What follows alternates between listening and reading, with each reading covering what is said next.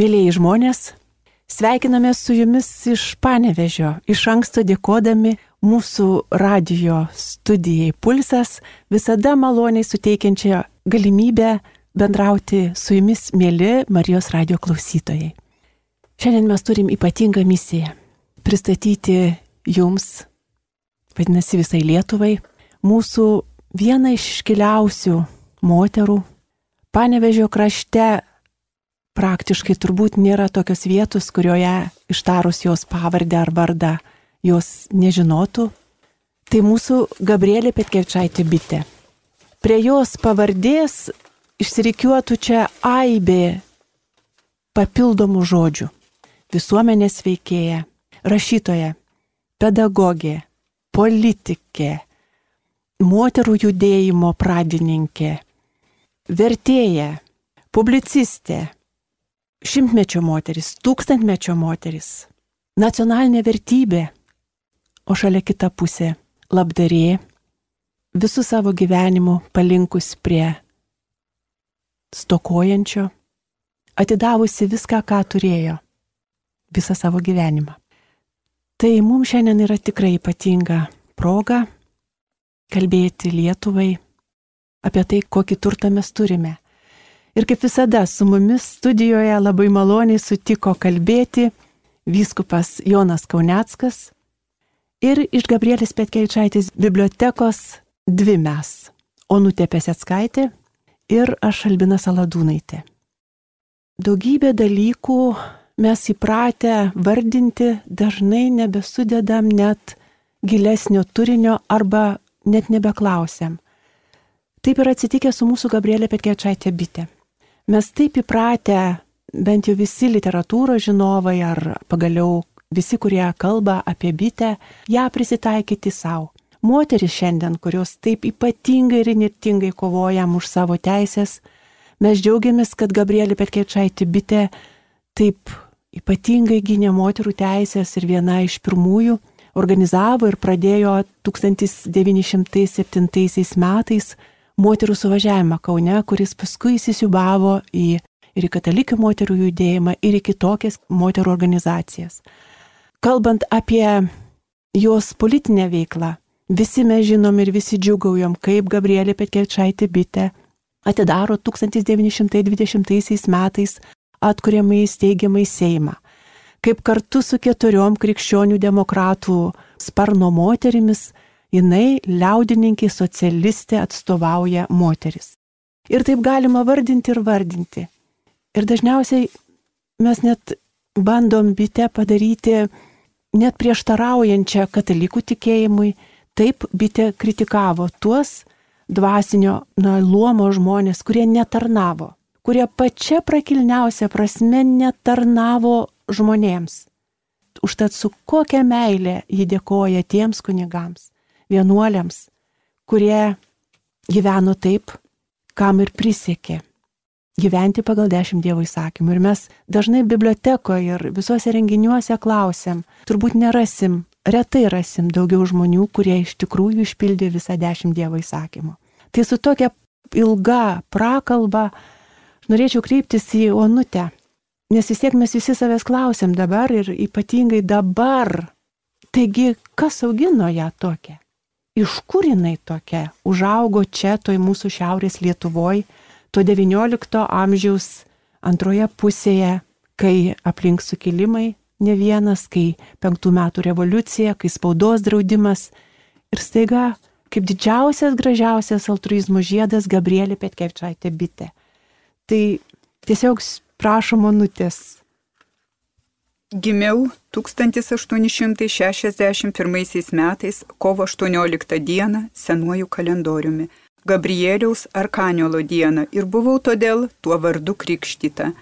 Savo tėvams buvau pirmasis kūdikis, užtat gal likimas ir netausojo man gyvenimo aušroje daug gausių šeimininės meilės spindulių. Gimiau puziniški, tame name, kursai dabar senojo vardą turi. Senelio ir tėvelio gydytojo šeimyna buvo pasiturinti. Augau auklėjama tuo įsitikinimu, kad vargo bijoti neturime. Niekuomet nesu girdėjusi, ką norint namiškių dėjojant, kad jam trūktų reikalingiausių daiktų, kaip valgio arba drabužių. Nors didelės iškilmės ir ponybės vaikimo irgi nebuvo. Gyventa sočiai ir maloniai. Tėtušio užsiemimas kaip po gydytojo darė tik tą, kad nuo mažens mūsų namuose nuolat maišėsi įvairiausių žmonių, kurie be skirtumo maloniai buvo priimami ir vaišinami. Kaip man pasakoja mane sykį, mano krikštynuose tarpe kitų svečių yra buvęs vyskupas Palilionis, tuomet dar klierikas, atvažiavęs drauge su smilgių diakonu Stančaičiu. Palilionio prielankumu ir dideliu atvirumu iki galo jojo gyvenimo naudojosi mano tėvelis ir aš. Tai čia tėvelio linija, puziniškis ir pradėti dėti, o mama, Mama, mama. irgi išsilavinusi bajoraitė ir irgi su savo didžiulė tarnystė žmonėms. Ir bitė labai gražiai prisimena mamą. Mano motinos buvo man nuosekliai aiškinama, kad Dievas leido pasaulį visiems žmonėms lygiai ir įsakė mylėti savo artimą kaip patį save. Nebuvo praleidžiama proga suartinti mane su įvairiausiais žmonėmis, ypač su pavargėliais, prašančiais išmaldos. Kai ateidavo elgetaudami tėvai su vaikais, motina patardavo man pasidalyti kokiu gardėsiu su apsilankiusiais vienmečiais ir paskui jai pasakyti, ar būtų buvę man smagiau tą gardėsi pačiai suvalgyti, ar matyti, kaip vargšas vaikelis apsidžiaugia tokį kasnelį gavęs.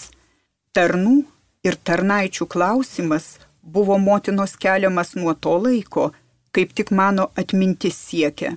Motina aiškindavo, kad tarnai tai tas pats, kas tėvų rankos, kas tarnų negerbė, tas negerbė ir nemyli savo motinos ir savo tėvo. Tu pati matai, kalbėdavo motina, kad tėvas ir aš niekuomet be darbo nesėdime. Ir jei tarnų neturėtumėm, kurie už mus dirba, dažnai pietų nebūtų kam virti, skalbinių skalbti, nebūtų kam arklių pakinkyti, kai reiktų važiuoti ir taip toliau. Tai jei užeis tau kada noras tarnaitę užgauti nemandagių žodžių, tai žinok, kad užgausi mane, savo motiną, draugę ir tėvelį. Ir čia didžiausias tėvo ir motinos nuoseklumas elgesy. Niekuomet mažiausių žodelių neužgaudavo jie tarnų. Atsakymas irgi turbūt tai ypatingai pedagogikai aiškus. Abu du augina būsimą žmogų su didžiausia atsakomybė.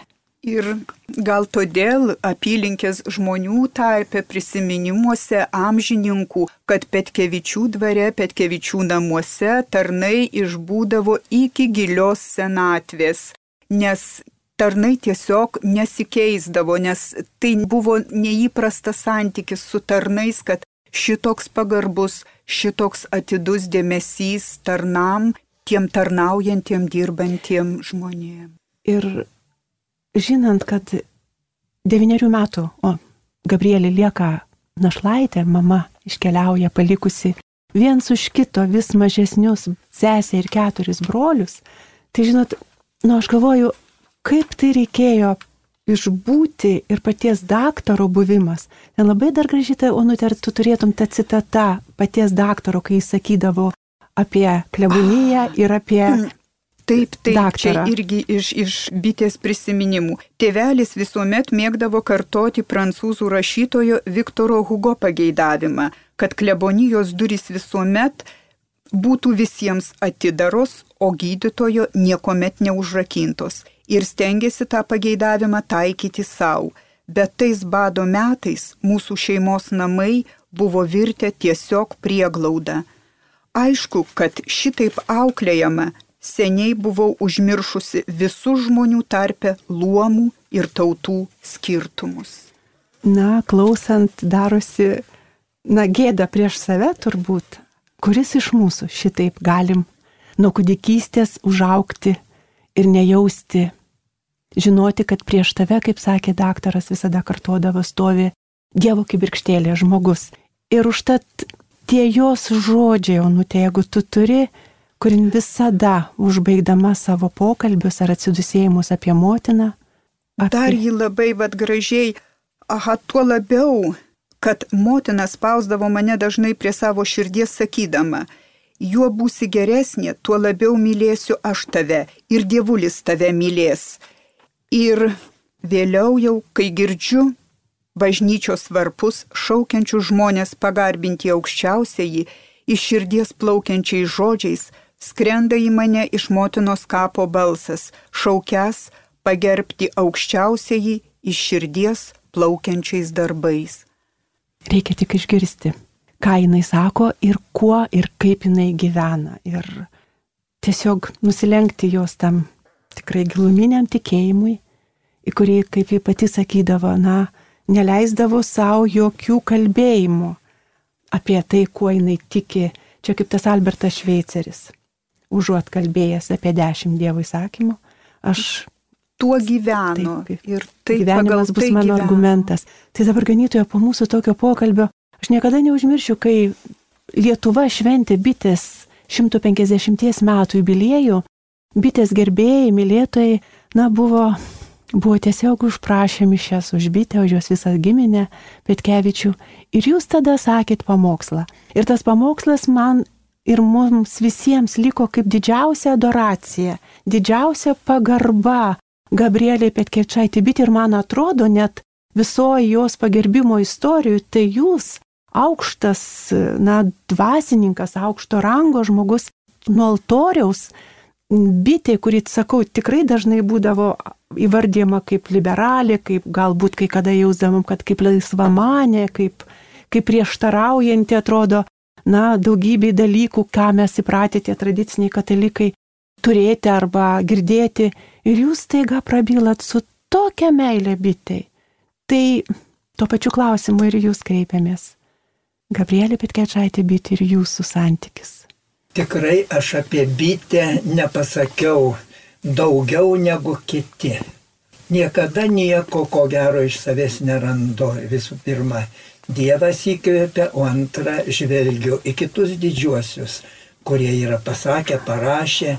Taigi, kaipgi galėjai netkreipdėmėsio, kad vaižganta sakė, ko gero be bitės nebūtume turėję žemaitės. Taip. Įsivaizduokit dabar Lietuvą be žemaitės be jos kūrybos. Neįmanoma. Taigi bitė tiesiog ją kėlė, ją ypatingai rūpinosi.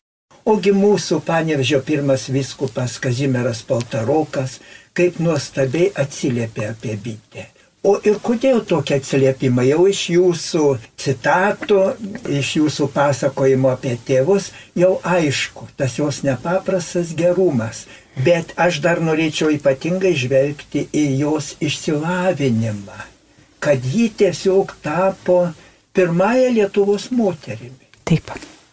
Ir jos dėka Vėliau turim tokias moteris, kaip minėjau, jau ir Žemaitę, turim ir Marcelę Kubiliūtę, kuri faktiškai išgelbėjo Lietuvą nuo Lenkų okupacijos, nes Lenkai buvo suruošę jau užimti Kauną, kai turėjo Vilnių, o jinai, būdama graži mergina, šnipė, apsuko vienam Lenkų karininkui galvą ir išgelbėjo jų žygį ir taip išgelbėjo Lietuvą. Taigi bitės dėka Vėlgi visą pasaulį stebino tas moterų judėjimas Lietuvoje.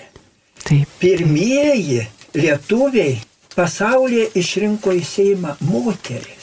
Pirmą kartą įgyvendinta moterų teisės, o dėl to, kad lietuvis lietuviai pripažino bitės auką, jos didybę, ji net du kartus renkama į Lietuvos parlamentą į Seimą. Ir jai teko atidaryti steigiamą į Lietuvos Respublikos Seimą Ji tada pareiškia, didelė garbė atidaryti steigiamą į Seimą, tiesiog stebuklas.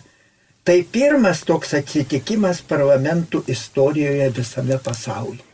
Kaip tie žodžiai? Taip, taip, tikrai taip. Ji pati įgyvendino tai ir ji džiaugiasi tuo stebuklu. Dieve mano, ji atsistoja prieš Seimą, prieš vyrų didžiausią būrį, kaip pati garbingiausia Lietuvos moteris, kaip tikra tautos motina.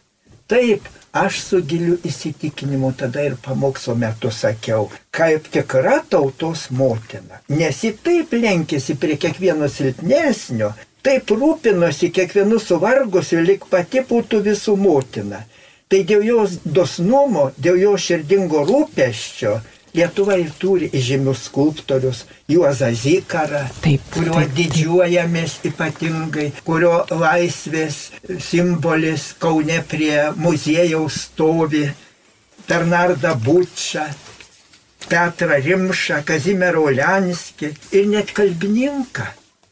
Kazimierą Būgą, vėl rašytoją Joną Biliūną turim jos dėka. Ne, neįmanoma išvardyti visų jos dėka tapusių Lietuvos švitoriais.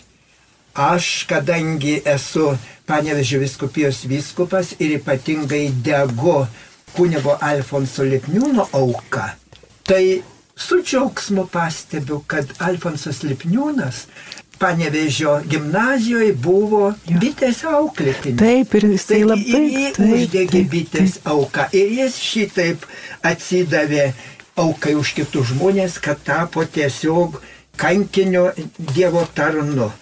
Ir aš dabar šitą progą noriu tiesiog prakalbinti bitę. Iš širdies prakalbinti. Iš kur ta vieta didžioji panevežietė aukštaičių žemės gėlė?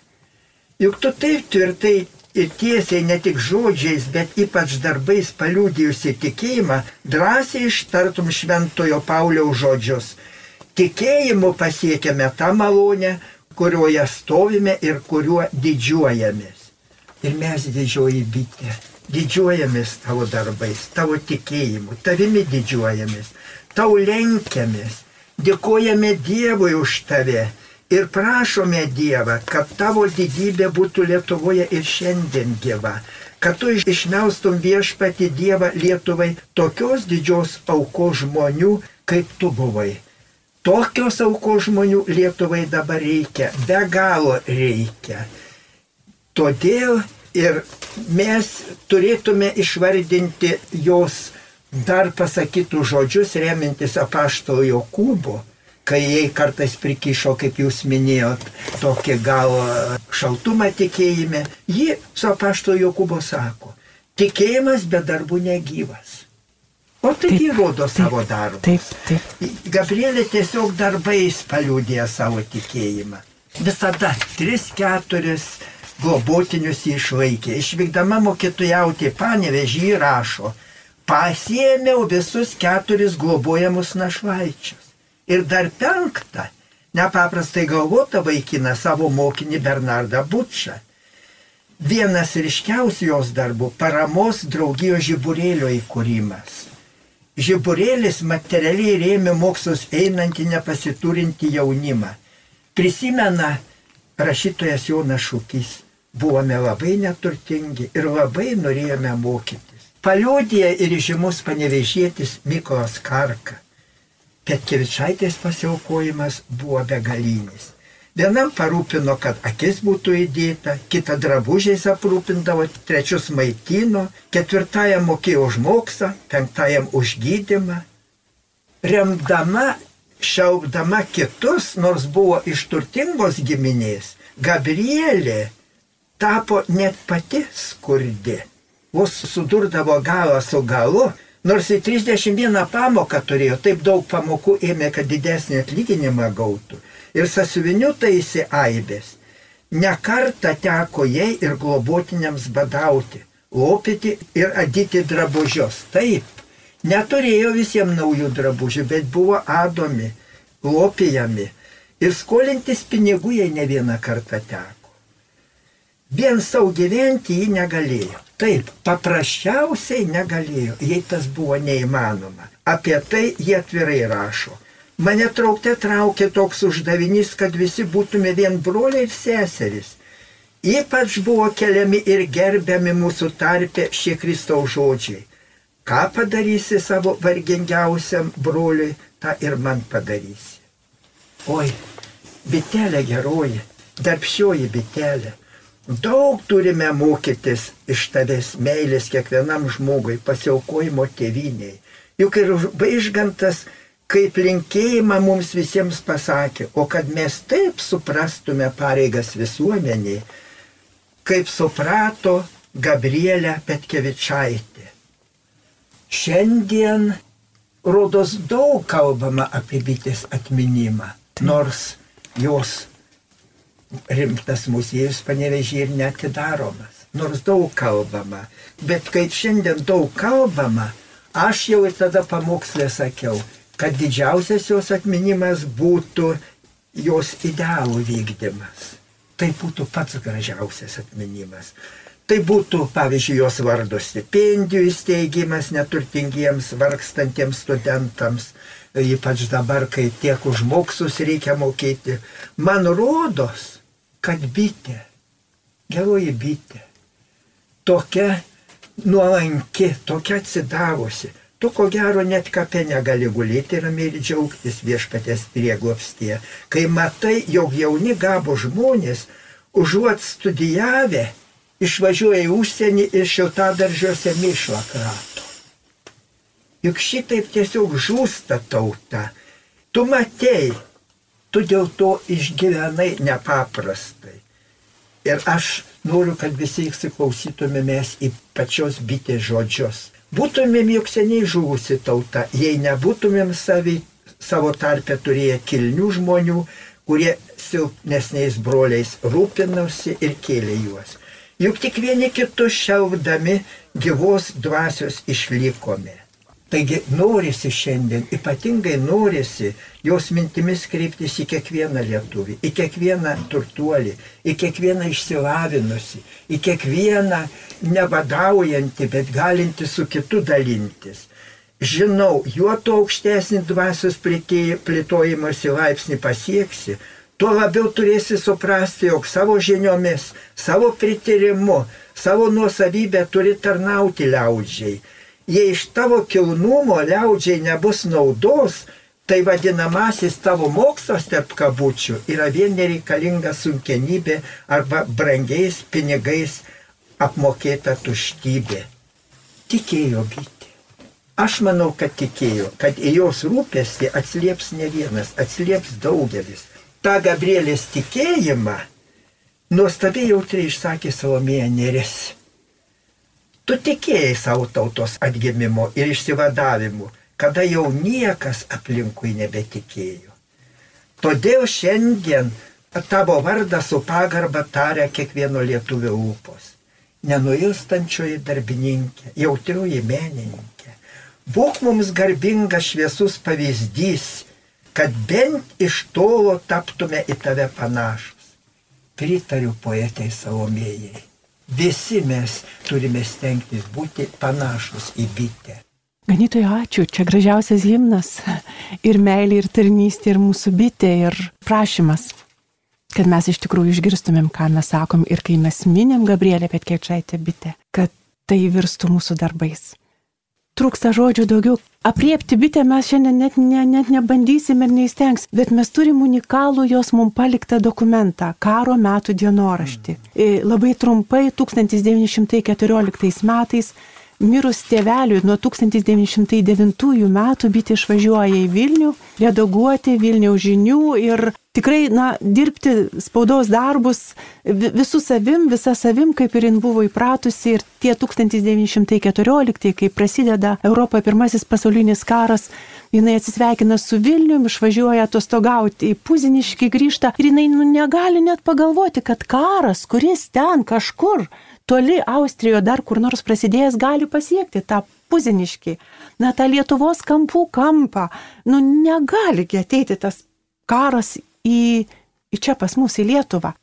Ir jinai grįžta. Ir paskui ir pati suvokia ir kiti, kurie kalba apie bitės karo metą, visą karo laiką iki 1918 praleistą puzniški, atrodo kaip pats Dievas išsiuntė ją į tą kampų kampą, į tą užmirštą, į tą, kurį atėjo karas, į tą, kurį ėjo frontai, rusų, vokiečių, plienčikai, plėšikai, ten viskas maišėsi toj Lietuvoje ir per puzniškėjo, kad jinai būtų, kaip, kaip vokiečiai sakė, kaip didžioji motina. Motina suvargusiems kareiviams, motina tiems visiems kaimų žmonėms, kurie eidavo pas bitę, na, tiesiog eidavo. Nežinau, turbūt kaip, kaip tikrai prie motinos, jiem buvo davo ją išgirsti, su ją būti. Ir čia turim daugybę pavyzdžių, kas jinai buvo ten karo metais, puziniški trys tomai karo metų dienoraščio. Paimkite, skaitykite. Ir, na, dabar atiduodu žodį Onutei. Tai iš tikrųjų įdomiausias bitės, bitės kūrinys, kur atsiskleidžia ne tik žmonių tarpusavio santykiai, labai labai aštriu, labai, labai ypatingu laiku, bet ir puikiausiai iš tikrųjų karo metas Lietuvoje ir istorinių požiūrių, skaitant dienoraštį, labai galim gauti tikrai daug žinių. Ir bitės buvimas puziniškiai iš tikrųjų vėlgi byloja jos aukščiausią humanizmą, todėl kad susidūrimas su labai įvairiais žmonėmis, su priešo žmonėm, vokiečiais, kurie iš tikrųjų nustemba, nustemba, sutrinka ir skaitant prisiminimus, viena tokia labai iškalbinga vieta, kai vokiečių išsilavinę kareiviai ateina į dvariuką ir jie tiesiog, jie padėties šeimininkai, jie drąsūs. Ir kai bitė įžengia į kambarį ir vokiškai paklausia, ką jūs čia veikiate, ir jie iš karto nuščiūva, jie iš karto nuščiūva ir po to apsidairo kambariuose pamato tą didžiulę biblioteką ir originalo kalba, vokiečių kalba, austrų filosofo veikalus ant bitės stalo. Ir tas vokiečių kareivis klausia, ką jūs čia veikiate šituose tyrlaukiuose, jūs išsilavinusi, O čia yra beraščių, labai tamsių žmonių kraštas, nors kita vertus pastebėjimas vokiečių kareivio, nors sako, man tas kraštas yra mislė. Beraščiai neįsilavinę žmonės, o kaip jie viską moka, jie pasistato savo namus.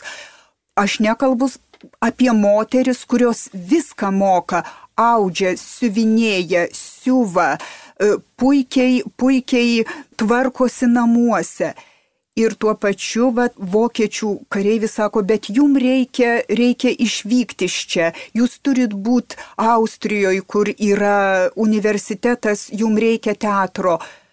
Ir bitė tada labai ramiai, pati savo galvodama ir atsako, o kam man teatras, kam man va, tas svetimas kraštas, kaip aš galiu palikti savo kraštą, savo žmonės, kuriem begaliniai reikia tarnauti, begaliniai labai daug darbo čia Lietuvoje. Tai ir toks, na, jaudinantis dalykai, jin, jinai juk rašydavo, ateidavo moterų, motinos seserys, nu jos nemoka rašyti frontą savo, na, savo tėvams, savo vyrams, savo broliam laiškų. Bitė, na, žinodama padėti fronte, sekdama, jinai jau žinojo, kad galbūt ten jų nebėra. Bet jinai rašydavo ir jin pati rašo, su kokiu skausmu jinai rašo, kreipiasi jai laiškus į frontą. Atrodo, liktai tuo dar padėti iškesti tą netekties skausmą, kol il... nes nežinai, o gal dingo. Gal tik atsiras kada nors. Ir staiga kartu vėl, sakykime, ar ne, su vokiečiais jinai, jin žino, kad čia priešas, kai jin sakė, o ką aš turiu dabar daryti, okupantai. Bet dalinasi tą duonos riekę ir jie tikrai randa, na, joje tą didžiąją pokalbių pagaliau, bitė kalbasi su jais, bitė skambina jiem šopeną. Ir, ir kartu jinai mato ir jų tas blogasias pusės, ir kita pusė jinai stebisi jų kultūra, nes jin turi ką lyginti, paskui ateis rusų kariai. Jinai nesmerkia jų to visiško apleistumo, jin tik tai klausė bitė savo dienoraštį. Tai kokiagi tos valstybės valdžia, jeigu šitaip padaryti iš tų jaunų žmonių šitokią, na daryti, kad jie būtų tamsus. Ir, ir dar man, onute, mes jau labai daug užsikalbėjome, bet nenusakomas dar vienas bitės poelgis ir didybė su kazokais. Su kazokais. Tai Brolis jau buvo išėjęs arklių šerti, pargrįžęs pasakojo, kad kazokai kiti dar miega, kiti švaistosi tarp savęs, kažiko bardamiesi. Pusryčio laikui atėjus, vėl parsikvietėm svečius kabutėse į verandą, teko man dar iškalbingesniai, ne kaip vakar būti, ir dar didžiau apsimesti, nematant savo svečiuose pasislėpusio piktų troškimų žvėries o žinojau gerai, jog vienintelis mūsų beginklius gyventojus dengas skydas - tai mūsų žmoniškumas. Žiūrėk į kiekvieno žmogaus širdį ir stenkis joje glūdinčius perlus surasti ir aikštin iškelti, sako vis man mano vidujinis įsitikinimas, gal ir iš mažens auklėjami palinkimai, pavyzdžiai, papročiai. Juk žmogaus širdis slėpininga lyg jūra lygiai kaip jūros gelmėse, glūdi ir žmogaus širdį, perlai ir greta jų baisus aštunkojai slibinai. Būk tik tuo išmiklintų naru, kur sugeba išvengti pavojaus ir iškelti perlus. Ir, ir čia dar, jeigu dar prieš istoriją, tie kazokai atjoja, rusų kazokai atjoja į dvarelį, ir bitė pamato, kokiom akim jie žiūri į gyvenančią ten mokytoją ir jauną tarnaitę. Ir bitė suvokia tą baisų tragišką galimą pasiekmę, nes jie nesiskaito, jų žvėrių akis žiūri jaunas moteris ir nežino pasiekmes. Ir tada bitė sukaupė visą savo, kaip ir skaitė Onutė, sukaupė visą savo išdidumą. Ir va tas suvokimas, kad ir tame žvėryje, bandyti pažadinti žmoniškumą. Ir ji nugali. Ir į daugybę vietų nugalės savo tuo prakilniu žmoniškumu, tą didžiulę, na, vis tik pagarbą ir meilę, bet kokio, na, luomo ir bet kokio nusistatymo žmogui. Ir pati kai kur stebėdavosi, kad, nu, man esant, kažkodėl visi susidrausmindavo. Ir nes turėjo labai gerą humoro jausmą bitė, Tai, na, daugybė kartų, kai kada, na, pro juoką jinai sugebėdavo, na, pasirodyti tokia, na, pranašesnė ir dar vienas užrašytas jos pačios, nes vokiečių kareiviai surašinėja, kas čia dabar gyvena tam dvarelėje. Ir aišku, klausė duomenų. O bitė, kaip jau ganytoja sakė, augino tris brolio vaikus dar vieną Antaniuką, kurį tėtis, daktaras, parvežė visiškai iš vaisiaus šeimos, kurią ištiko tragedija, parvežė tą mažąjį vaikeliuką, visiškai suvargusi, aptekusi telėm ir pasako, nu va, turėsi. Ir inaugina tą Antaną. Ir, na, bitė, bitės klausė tas vokiečių kareivis.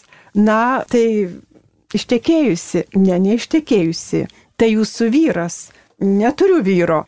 Ir tada jį mato, kaip tas kareivukas pradeda rausti, nes jis žino, kad yra keturi vaikai.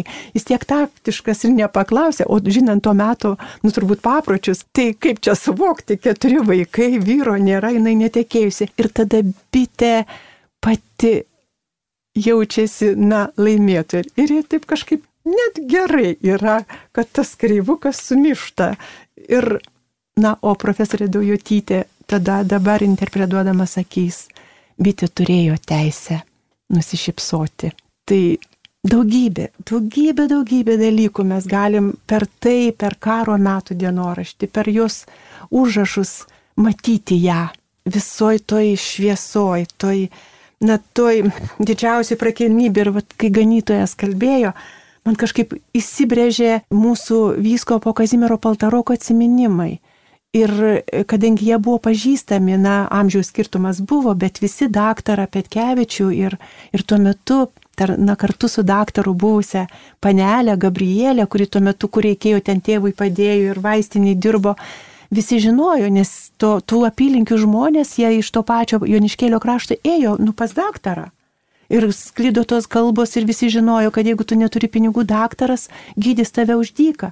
Ir jie, vat, turbūt sekė viens kito likimą visą laiką, nes bitė ateidavo, kai jo viskupas Paltarokas buvo čia, mūsų viskupas ateidavo su kazimerinėm sveikinti. Ir viskupo atminimuose yra užrašyti tokie žodžiai.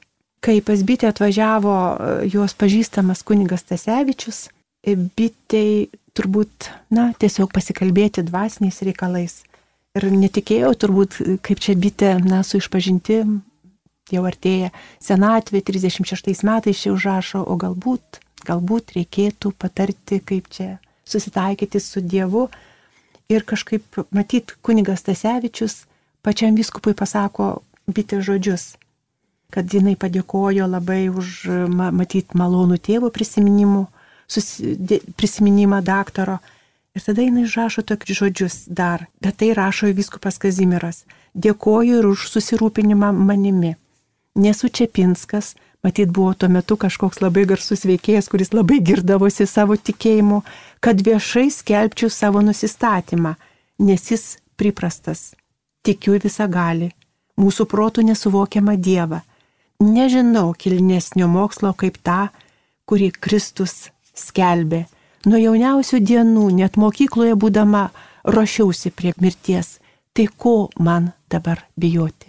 Bitė atgulė į Kristaus karalius kapinės 1943 birželį su pačia gražiausia palyda iš Kristaus karaliaus katedros.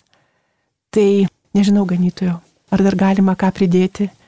Ar čia mes turėtumėm kažkaip baigti mūsų pokalbį, tą apie bitę žinodami, kad mes norėjom tik prisiliesti Ir žinot, čia didžiąją savaitę ėjo per televiziją filmas apie popiežių Pranciškų. Ir man kažkaip įsirėžė tas vienas popiežiaus Pranciškaus pasakytas sakinys, baigiantis filmui. Niekada nepamirškite, kad tikroji valdžia tarnystė. Tai bitė, man atrodo, atsako, kas yra valdžia. Tarnystė. Ir tada pabaigai kai mes liečiamės prie jos raštų, yra tekstų, kurie atrodo galėtum juos išrašyti ir pakabinti, nežinau, Seime, vyriausybėje, kiekvieno mūsų tarnybos vietoje, kad mus vis primintų, kaip mes turime gyventi. Tai dar kartą, onutėjai. Nedrasiai paklausdavau tėvo, kur ieškoti teisybės, tikėjimo klausimų. Gaudavau maždaug tokį atsakymą visų tikybų vyriausias dėsnis toksai. Dievas leisdamas į pasaulį žmogų įkvėpia jam savo dvasę. Todėl reikia stengtis kiekviename žmoguje pagerbti tą Dievo kibirkštį. Be to, neleisk savo širdį užgesti didžiausiam ir aukščiausiam įsakymui - mylėk artimą kaip pats save, mokykis, galvok. Čia iš karo meto dienoraščio, iš to baisaus laikmečio, toks atodusis bitės. Kaip maža gali žmogus tokioje suirutėje gyvendamas. Galvoju šitaip ir blaškaus kaip mirtinai sužeistas paukštis. Atsigauna širdis, tik kada jaučiu, ką nuraminusi, kam patarnavusi. Tokia mano malda. Kitaip melstis nemoku bet be tokios maldos ir gyventi negalėčiau.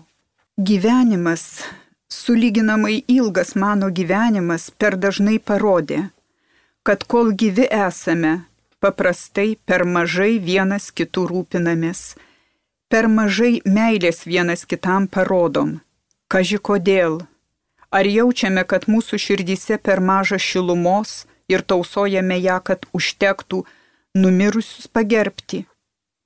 Tuo klausimu konstatuoju vien faktą, kad prie karsto dažnai per daug karštų kalbų pilasi, kurių vėlioniui gyvam esant nei išgirsti, nei pajusti neteko. Dar viena. Tik neužmiršk, kad labai daug gyvenime priklauso nuo moterų, čia tėvelio priesakas. Moters pareiga būti ne tik šeimos žydinio angelų sargu, bet dar didžiau stovėti tėvynės labo, tėvynės likimo sargyboje, o nelaimiai ištikus nenuleisti rankų ir nesidrovėti stoti ne tik karžygių eilės, žinoma, ne ginklų rankoje, bet visuomet teisingų narsių žodžių, pasišventimu, kilniu pavyzdžiu. Kas turi širdį, turėtų išgirsti ir ypatingai mes, moteris, kuriuom Aš manau, kad visi, kurie klauso šitą laidą, o ypač tie, kurie gal skaitė, domėjosi, tai pritars talentingiams šio krašto poeto, to paties krašto kaip ir bitė, palilionio žodžiams. Kad bitė, moterų moteris, dvasios bajorė, tikrai. Neloma. Tokio bajoriškumo, tokios dvasios didybės, tai reikia paieškoti. Tai kaip tikra Dievo motina. Ji turėtų tokia, tokia mums. Tai būti visiems. Todėl poetas įkviečia žmonės, pagarbinkim moterį didžią dosnuolę, protą jaunystę gyvenimo savo pilnatvę, lygiai grodelio keli suteiktiems išdalyjusi, žemių saujelę savo ant širdies tik pasilikti. Tikrai taip. Tai Gabrielė turėjo galę dauginti, dauginti meilę, dauginti duoną, dauginti kitiems gyvenimus. Tai labai jums ačiū ganytojau, ačiū Anutį ir ačiū mūsų klaususiems Marijos radio klausytojams. Šviesios atminimo Romualdas Ozulas yra sakęs ir kalbėjęs apie bitę, nes jis taip pat gimė Joniškėlį. Kaip jis sako, ir ne dėl to kalbu apie ją, kad aš gimiau kartu tame Joniškėlyje, kurį gyveno. Ir ne dėl to, kad esu politikas, lygiai kaip ir bitė buvo politikė, bet dėl to, kad skaičiau Gabrielę Petkevičaitę bitę. Tai kviesdami skaityti ir tuo skaitimą paversti savo gyvenimu, pasiliekame